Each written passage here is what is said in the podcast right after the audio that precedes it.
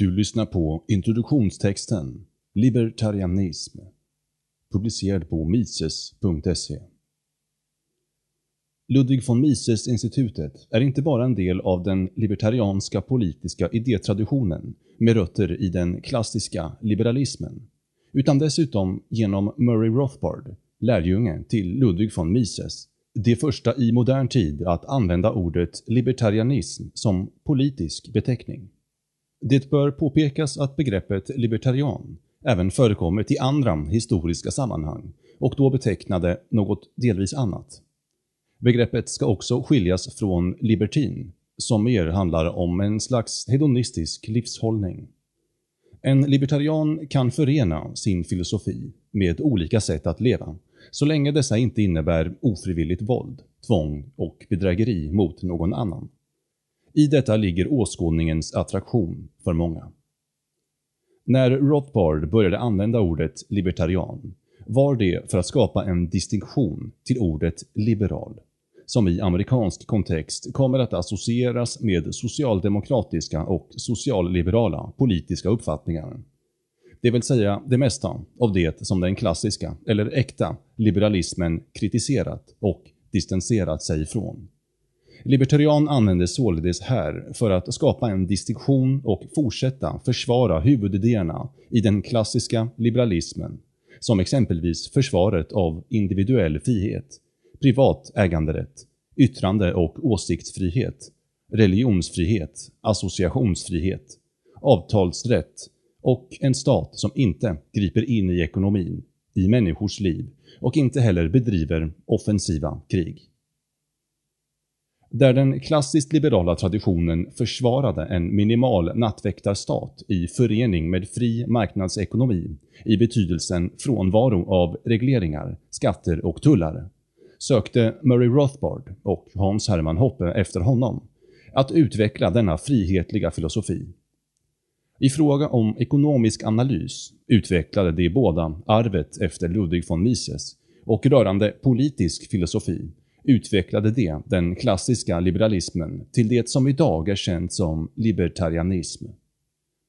Mot denna bakgrund kan man då konstatera att Ludwig von Mises var klassiskt liberal i det att han försvarade en nattväktarstat, medan hans arvtagare utvecklade denna äkta liberala tradition i en mer konsekvent riktning genom att ifrågasätta både nödvändigheten och lämpligheten av en stat där vi med stat menar ett politiskt våldsmonopol som utövas på ett givet geografiskt område. Frånvaron av stat ska inte misstolkas som ett tillstånd av oordning. Tvärtom handlar just libertarianismen om hur en frihetlig ordning kan uppstå och bestå över tid. Konkreta historiska exempel på en sådan ordning är, i varierande grad, det medeltida Europa enstaka kvarvarande småstater som Liechtenstein, det decentraliserade Schweiz och även Förenta Staterna i sina tidiga år. Dessa har i varierande grad hållit en frihetlig riktning, tolererat fritt företagande och hög grad av personlig frihet. Libertarianism handlar inte heller, vilket är ett vanligt missförstånd, om förbud mot försvarssamverkan eller konfederalism. Så länge regioner, kantoner, socknar, kommuner och ytterst individerna i dessa med sina privata äganderätter åtnjuter frihet och självbestämmande är samverkan på högre strukturella nivåer något mer eller mindre självklart. Alla frågor kan inte lösas lokalt, men alla frågor som löses mer centralt, konfederalt, måste respektera individens rätt till självbestämmande över sin privategendom och individens rätt till liv och frihet. Den rättsordning som uppstår när respekten för liv, frihet och privategendom erkänns är sedvanerätt. Libertarianismen gör inte anspråk på att ensam lösa alla samhällsproblem som kan uppstå, men den ger ett konsekvent svar på den grund på vilken problemen borde lösas. Alla individer åtnjuter sedan samma rätt till frihet, i fråga om frihet tar libertarianismen inte hänsyn till kön, etnicitet, sexualitet, religion, ålder eller något annat. Det enda kravet är också gemensamt för alla individer. Det vill säga att individer lämnas i fred, om och endast om de själva respekterar andra individers rätt till liv och frihet. Detta är libertarianismens jämlikhetstanke. Dess rättigheter gäller lika för alla, oberoende av social ställning. Libertarianismen är även fullt förenlig med frivilliga handlingar som bistår andra människor ekonomiskt och socialt. Den är den enda åskådningen som på så sätt är förenlig med en karaktärsetik, eftersom dygder som generositet mellan de som har i överflöd och fattiga kan ske i frihet. Libertarianismen ger också individen frihet att äta, dricka och göra vad helst individen vill med sin egen kropp. Inget individen gör med sig själv och som inte drabbar någon annan i termer av våld och tvång borde vara straffbart. Det gäller exempelvis bruk av nikotin, cannabis och alkohol. Detta innebär inte att dessa droger anses ofarliga eller oskadliga. Det innebär enbart att det inte är en angelägenhet för våldsmonopolet. Libertarianismen ger ett svar på alla frågor om vad som borde räknas som kriminellt. Mord, stöld, misshandel, våldtäkter, pedofili och så vidare är kriminellt och då staten är mästare på flera av dessa övergrepp kan man således se den som en organisation för kriminalitet. En rättsstat har aldrig funnits eftersom stat och rätt, i denna mening, är oförenliga begrepp. Staten baseras nämligen på ett monopol på sådant som varje individ har rätt till. Libertarianismens filosofi Vem äger dig, din kropp och ditt liv? Och vem kan hållas ansvarig för dina handlingar? Libertarianismens grundsyn är att du äger dig själv och att du själv ytterst är ansvarig för dina handlingar så länge ingen tvingat dig till något genom våld eller hot om våld. En anhängare av en annan politisk åskådning kan emellertid inte ge samma självklara svar på dessa frågor. I kommunistiska, teokratiska eller fascistiska stater äger inte människan sig själv. Staten har nämligen krav på vad du gör med ditt liv, din frihet och din egendom, om det nu tillåts ha någon sådan. Åskådningar som socialdemokrati och socialliberalism kan i sin tur bara besvara frågor med ett nja. Du får exempelvis inte vara fri från svensk skola, utan måste ge tio år av ditt liv till en institution vars skolplan och värdegrund staten har författat. Du får inte heller äga det arbete du utför, utan måste ge mer än 50% av värdet av den tid du arbetar till staten, i form av skatter.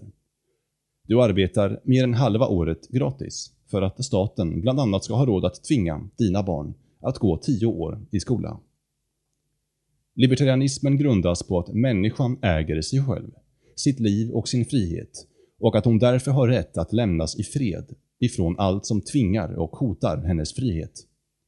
Libertarianismen hävdar att all initiering av våld och tvång samt hot om våld och tvång, liksom bedrägeri, är fel. Det har sedan ingen betydelse om det är en maffia, ett gäng, en klan eller en politiskt vald församling som utövar våld, tvång och bedrägeri. Det har ingen betydelse om det är en demokrati eller en diktatur som kränker, när det är kränkningen i sig som är förkastlig. Förbudet mot våld och tvång kallas för principen om icke-aggression. Det finns flera missförstånd om principen om icke-aggression. Ett vanligt missförstånd är att libertarianismen är en slags pacifism. Det stämmer inte. Libertarianismen är nämligen anhängare till rätten till självförsvar. Det är initieringen av våld och hot om våld som är fel. Det är däremot en rättighet att skydda och freda sig själv mot våld, tvång, tvång och bedrägeri.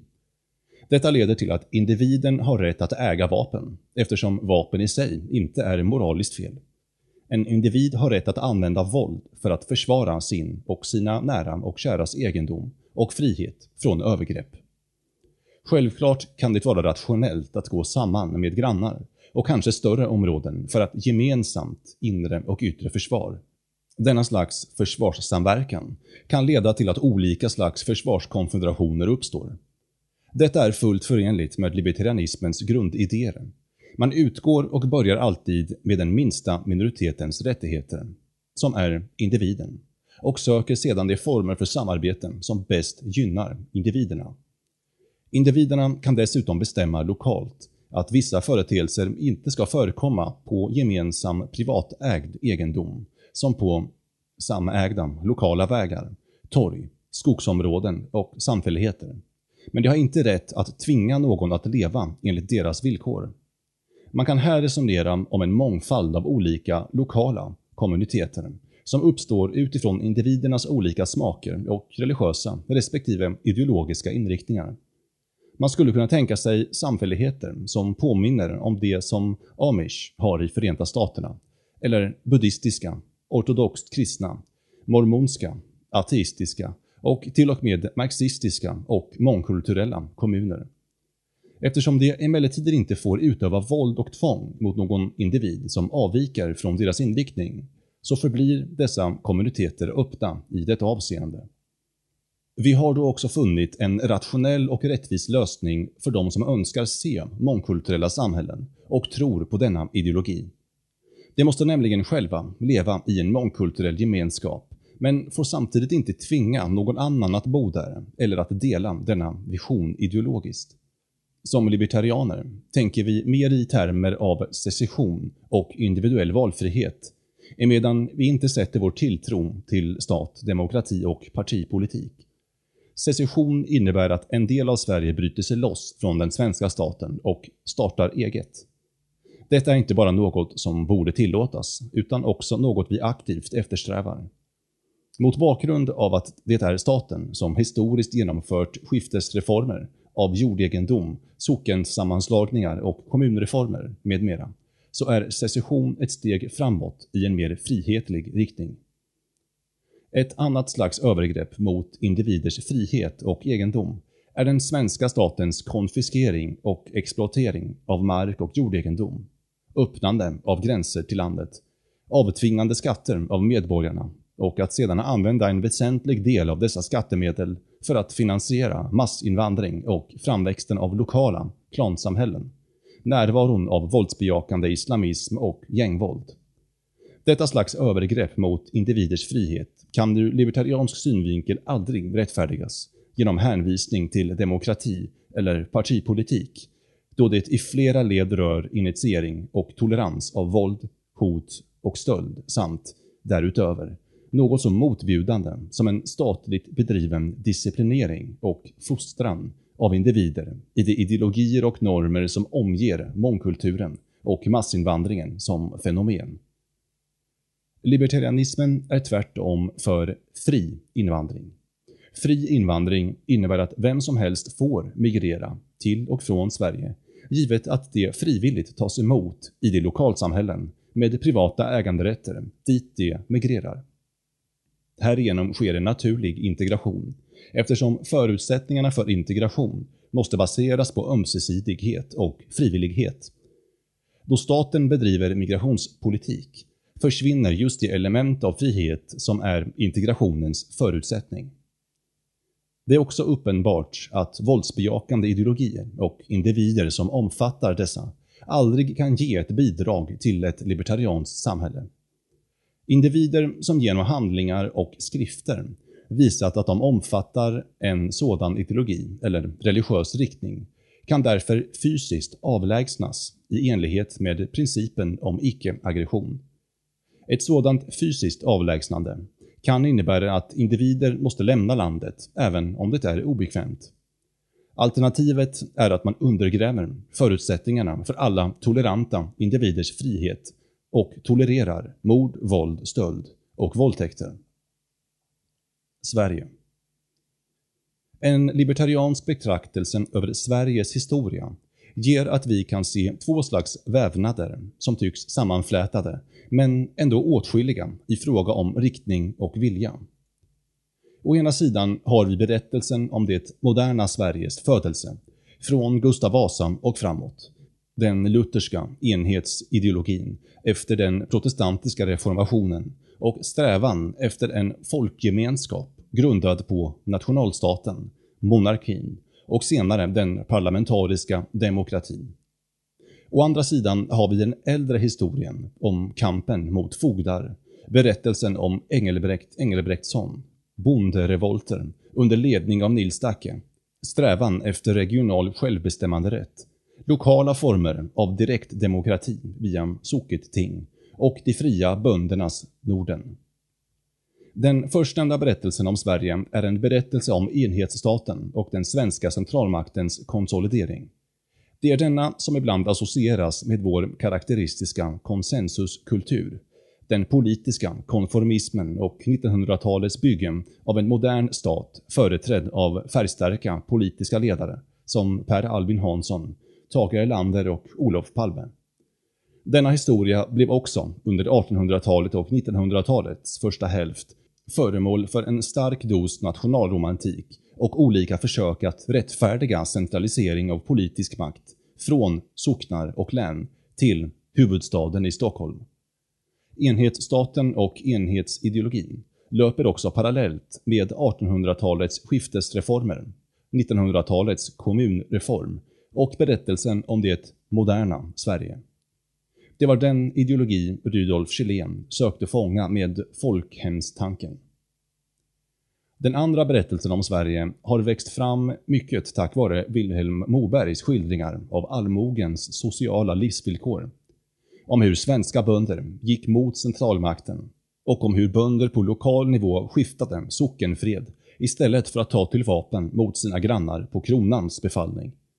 Det är historien om att den äldre sedvanan i Sverige och Norden varken är enhetsskapande ideologi eller en stark nationalstat, utan tvärtom vilar på frihetskamp och allmogens rätt till land och privategendom. Det är samtidigt en historia om hårda sociala villkor, fattigdom och svält. Vi ser spår av denna historia i Engelbrekts krönikan. Citat. Med skatter över deras förmåga och dagverkstjänster med häst och vagn. Han tröttnade ej att truga och hänga dem. Om det träskades lät han i rökfånget hänga dem och pantade gården på allt han fann.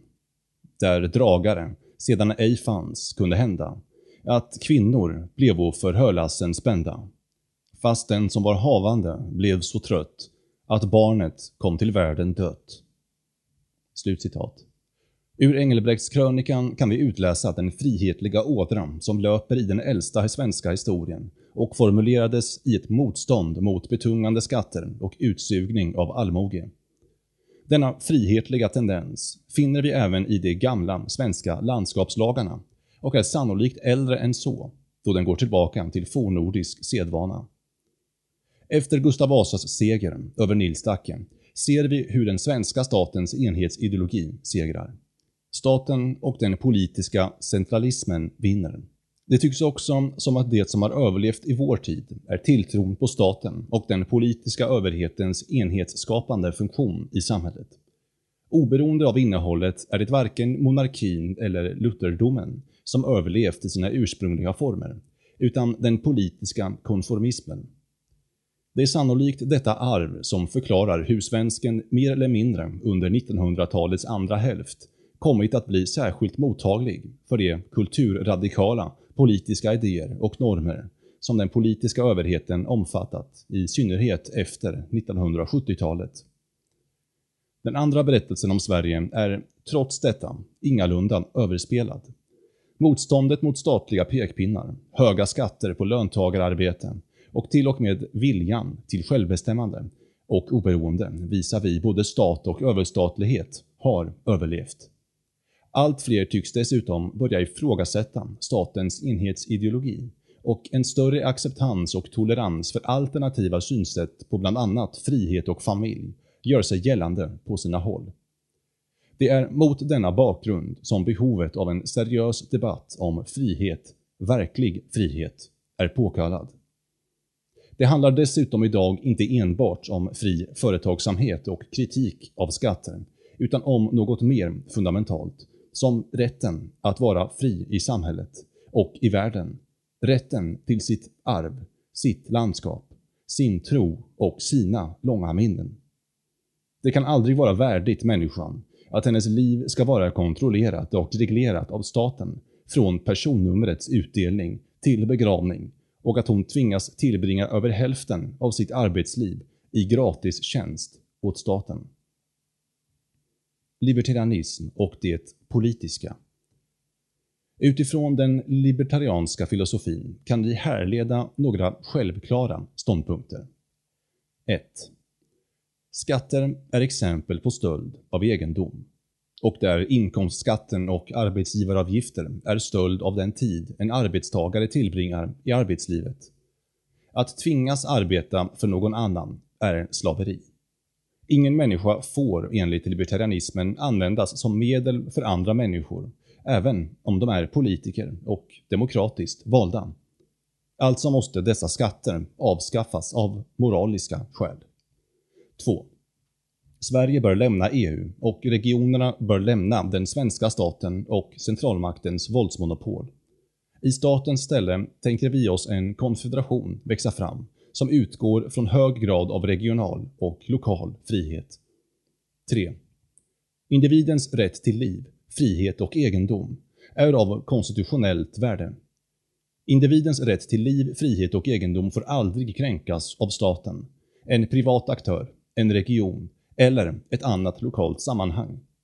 På grund av skatter och andra former av statligt tvång kan dessa friheter inte utövas fullt ut idag. 4. Individen har rätt att välja sin egen kulturella samhörighet och inte påtvingas statliga normer, mångkulturella experiment med deras närområden och skattefinansierade ideologier som staten använder för att rättfärdiga dagens mångkulturalism. 5. Libertarianismen innebär ett aktivt försvar av miljön eftersom ingen individ får förstöra andra individers privata egendom genom miljöförstöring. Alla individer har rätt att äga jordegendom privat. 6. Individer har rätt att gemensamt avlägsna de grupper och organisationer som i handling, i deras skrifter och genom åsikter hotar deras rätt till liv, frihet och egendom. Medlemmar av exempelvis det Muslimska brödraskapet och IS kan därför avlägsnas från landet. Rätten att fysiskt avlägsna ideologiska hot mot alla individers frihet följer ur rätten till självförsvar. 7. Individen har rätt till självförsvar mot alla andra former av övergrepp. Rätten att äga vapen för självförsvar är något självklart och dessutom påkallat utifrån den situation som staten skapat idag. 8. Alkohol och andra droger borde inte kunnat kriminaliseras från början. Det enda som är kriminellt är att tvinga någon att ta droger. 9. Vägarna blir privatägda och kan ägas gemensamt av flera aktörer. Dessa har rätt att ta ut vägavgifter för underhåll och vinster. 10. Privata försäkringar och ideella stiftelser, kyrkor och andra organisationer i civilsamhället erbjuder sjukvård, välfärdstjänster och eventuellt brandskydd och polis. Detta innebär att dagens ineffektiva sjukvård och polis försvinner och ersätts av aktörer som konkurrerar om bästa möjliga sjukvård och samhällsskydd. Och om någon lokal kommun vill samfinansiera dessa tjänster är de fria att göra detta med invånarnas samtycke. Välkommen till Misesinstitutet för att lära dig mer.